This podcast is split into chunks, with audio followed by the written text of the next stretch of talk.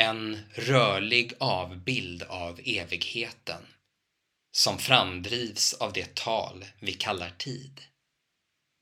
Så beskriver Platon tidens väsen i dialogen Timaios 37d. En rörelse som sker mot det evigas fond. Kanske den förflyter längs en linje eller återkommer om och om igen. Men enligt vilken rytm upplever vi dess gång? Jag tänker på Timaios när jag börjar läsa Bävande under höstliga stjärnor. En volym med dikter signerade den österrikiska poeten Georg Trakel utgiven på förlaget Leid i svensk tolkning av Camilla Hammarström och med ett initierat förord av Magnus Haldin. Det är en vacker bok som hämtar sitt namn från den inledande diktens avslutande rad och omsluts av Emil Noldes målning Röda moln. Under skyddsomslaget är pärmen blå, en färg som poeten gärna diktade med. Trakel föddes 1887 och dog 1914. Efter sin död har han framhållits som ett av den tyskspråkiga poesins främsta namn. Med översättningar till svenska signerade Johannes Edfeldt 1956 och Peter Handberg 1999. Trakels död ska ha skett efter en överdos kokain på garnisonshospitalet i Krakow där han hamnade till följd av ett sammanbrott och självmordsförsök efter slaget vid Grodek. Min introduktion kom genom Handbergs stilfulla tolkningar där särskilt dikterna om den undanglidande gestalten Elis golvade mig. Sedan dess har jag även läst poesi på originalspråk. Det jag främst associerar med Trakel är ett nattligt landskap samt en på ytan stundtals begränsad men sprakande språkdräkt som får dikterna att framstå som variationer och omarbetningar. Upprepade försök att på nytt söka värden i poesin. Citat. När det blir natt höjer vandraren sakta sina tunga ögonlock Solen bryter fram ur mörk ravin. Slut citat. Ur solen. Under läsningen av Bävande under höstliga stjärnor är mitt samlade intryck att Hammarström med stort gehör fångar vad som för mig är pulsen i den trakelska dikten. Exempel hittar jag bland annat i Timmarnas sång. Citat. Den gula säden susar stilla i åken. Livet är hårt och stålstark svingar bonden sin lie. Fogar timmermannen ihop väldiga bjälkar. Leise raucht im Acker das gelbe Korn. Hart ist das Leben und stähler schwingt die Sense der Landmann, fügt gewaltige Balken der Zimmermann. Slut citat att jämföra med Hamberg. Citat. På fältet är stilla suset i den gula säden. Hårt är livet och järnhårt svingar lantbrukaren sin lie. Sätter timmermannen samman väldiga bjälkar. Slut citat. Kommateringen i strofens andra rad åstadkommer hos Handberg en smärre rytmisk förskjutning vilken saknas hos Trakel och Hammarström. Hennes översättning av stälen med stålstark förefaller mig också vara en elegantare lösning som undviker upprepningen hårt, hårt. Med det är inte sagt att tidigare översättningar inte håller hög klass. Men eh, Hammarström hittar en del nya utvägar som inte bara är vackra utan också rytmiska förbättringar som därtill förhåller sig mer konsekvent till egenheter i Trakels vokabulär.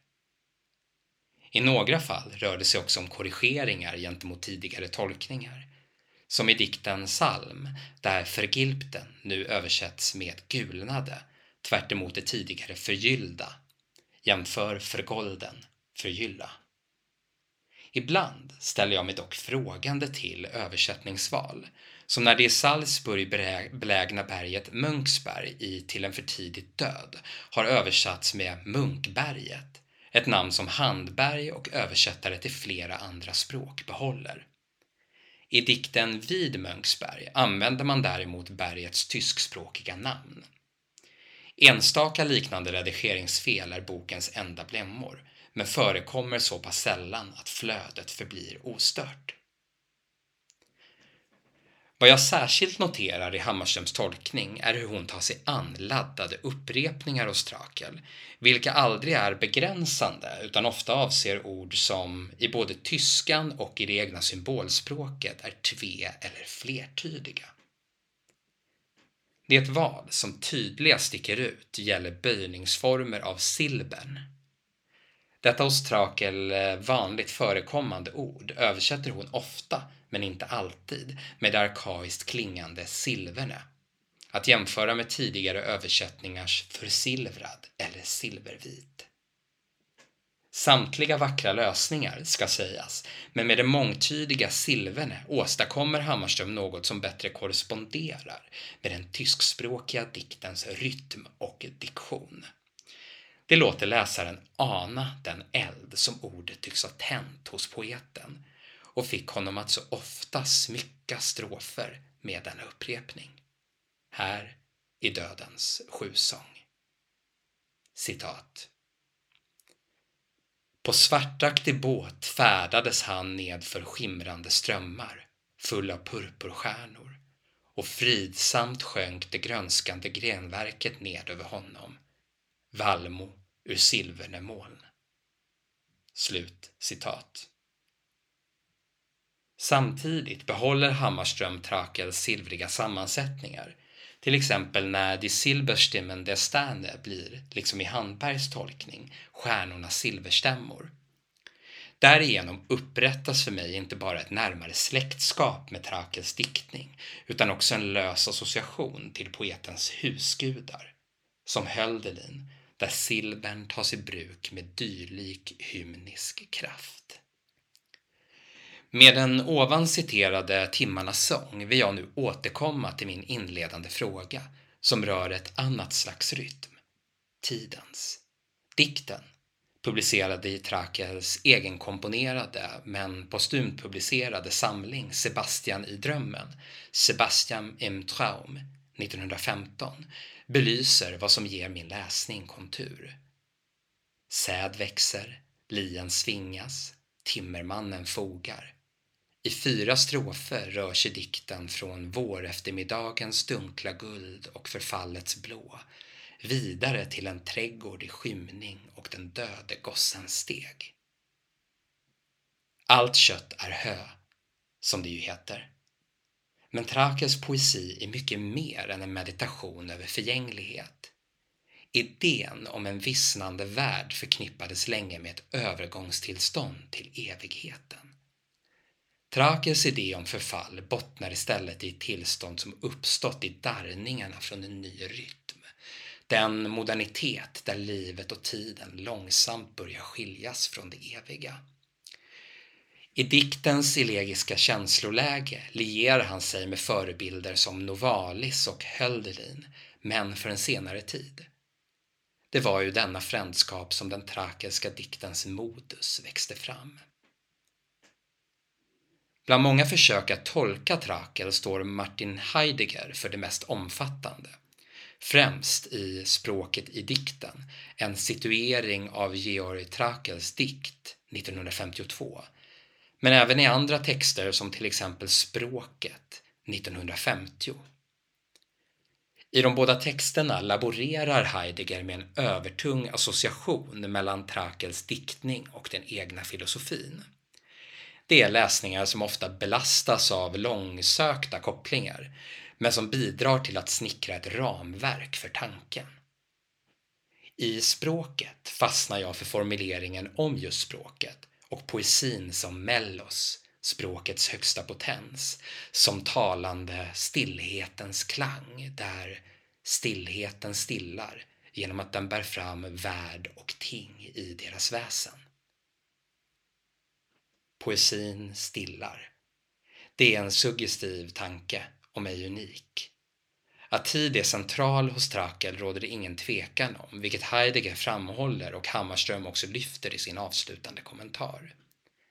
I dikten Förfall, Sönderfall, som saknas i Hammarströms urval, strövar någon i trädgårdens dunkla skymning och drömmer om deras ljusare öden och känner knappt timmarna rycka an.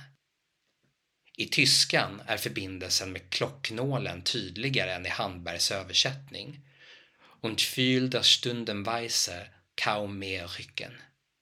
I dikten Undergång tar däremot Hammarström, likt Handberg, fasta på detta genom Zeiger, ett vanligare ord för visare. Under bågar av törne, o min broder, klättrar vi blinda visare mot midnatt. Tidens gång, konkretiserad. Många av Trakels dikter kan beskrivas som blåtonade nokturner, vilka överlagras av ett lastat symbolspråk där gryning och skymning, i tyskan homonymt, dämmerung, återkommer som trollska övergångsfaser. Det finns mycket att avtäcka här, en mening som uppstår i möten mellan diktens gestalter, besjälade ögonblick och händelser i Trakels liv. Men som meddelande betraktad skapas och omskapas den bästa poesin i möte med en annan blick. Bortom berättande och utan att för den sakens skull ogiltigförklara poetens röst. Jag läser och läser om och ett landskap framträder som åskådliggörs i motbilder. Vinden drar över fältet. Lien faller och så även säden. I en törnbuske ruttnar en föräldralös flickas lik. Tid reduceras aldrig till mekaniskt mått. Det är en rörelsens och rytmens dikt som uppehåller sig vid, verkar i och vill överskrida spänningar som uppstår mellan det som accelererar eller stillar. Så även i dikten År.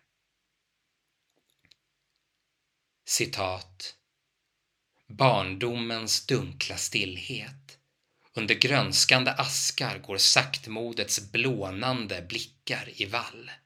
Gyllene ro. Ett dunkel hänförs av violens doft. Vajande ax i kvällen, säd och svårmodets gyllene skuggor. Timmermannen yxar till bjälken. På den mörknande jorden mal kvarnen. I hasselövet välver sig en purpurmun, manligt röd böjd över tigande vatten. Slut citat. Åter timmermannen. Han yxar och fogar, likt världen timras i Timaios. Hantering av bjälkar och malande av säd avlöser diktens grönskande ask och vajande ax. Det är förrädiskt stillsamt Blicken koncentreras mot ögonblick som mejslas fram och förlängs, eller stillas, men sedan upplöses då andra rytmer anlöper dem. I år skildras på en gång ett liv utanför det som Trakel i dikten Kvällen beskriver som staden, där kallt och ont ett ruttnande släkte bor. Men också en sorts samklang som existerar innan lien och yxan bryter in. I ett brev daterat 1908 skriver Trakel att han genom att återvända till dikten nu är hos mig själv, är min egen värld, efter att ha känt av ödets drivkraft. Poesins melankoliska anstrykning verkar komma ur en frustration inför misslyckade försök att klyva ett inre och ett yttre. En omöjlig målbild, såklart. Elis som bland annat återfinns i Till gossen Elis, Elis och Kvällsland, verkar särskilt förbunden med detta. Han blir ett monument över något som är undantaget tidens spår, som befinner sig i en svart håla eller i barndomens blå grotta. Citat. O, så länge du varit död, Elis. Din kropp är en hyacint där en munk doppar sina vaxbleka fingrar. En svart håla är vår tystnad, ur vilken emellanåt ett skyggt djur kommer och långsamt sänker sina tunga ögonlock. I din tinning droppar svart dagg, sönderfallande stjärnors sista guld. Slut citat. Ur Till gossen Elis.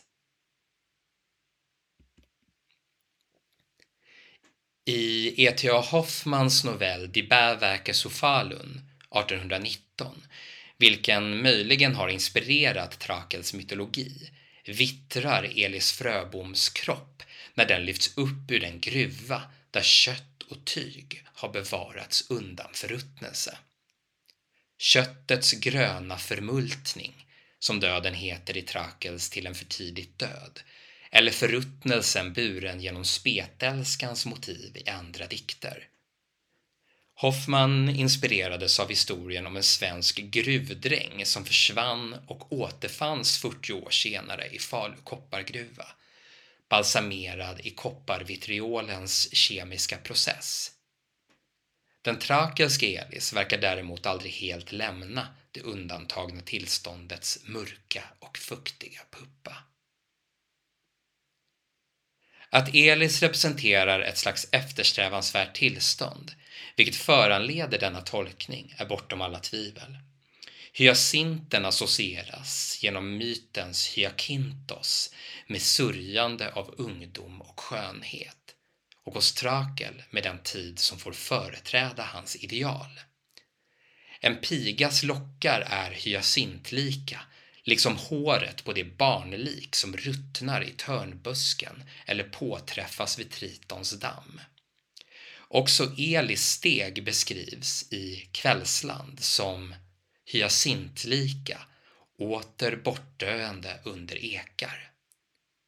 Hyacintlika är en korrekt och vacker tolkning, men något i Handbergs hyacintiska fångar laddningen i Trakels hyacintenen, steg som inte bara liknar utan bär med sig en essens. Kopplingen verkar i vilket fall som helst bergfast hos Trakel. Den stillade Elis med sina månrunda ögon och sin kristalliska panna representerar något som nu enbart och i korta stunder kan diktas. En variant på bilden återfinns i Till de förstummade där den stora stadens vansinne kontrasteras med den dunkla hålan. Citat. Men i dunkel håla blöder stilla en tystare mänsklighet. Sammanfogat ur hård metall det frälsande huvudet. Slut citat. Att läsa Georg Trakel är att upptäcka en poesi diktad i alienation, sprungen ur en sinnesstämning som genomlöper människans historia.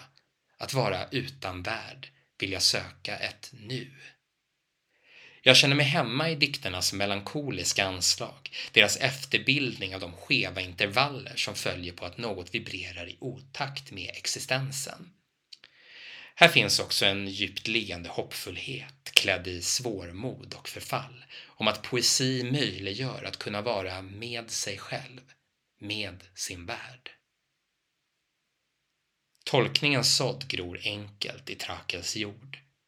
Men det är inte nödvändigt att skärskåda förborgade relationer och deras sammanhang eller söka en historisk kontext för dikten. Helst ordnar jag en plats i de stämningar som vaknar i diktandets och läsandets akt, framburna i en säregen språklighet och rytm som jag, särskilt i Trakels mogna verk, inte finner hos många andra poeter.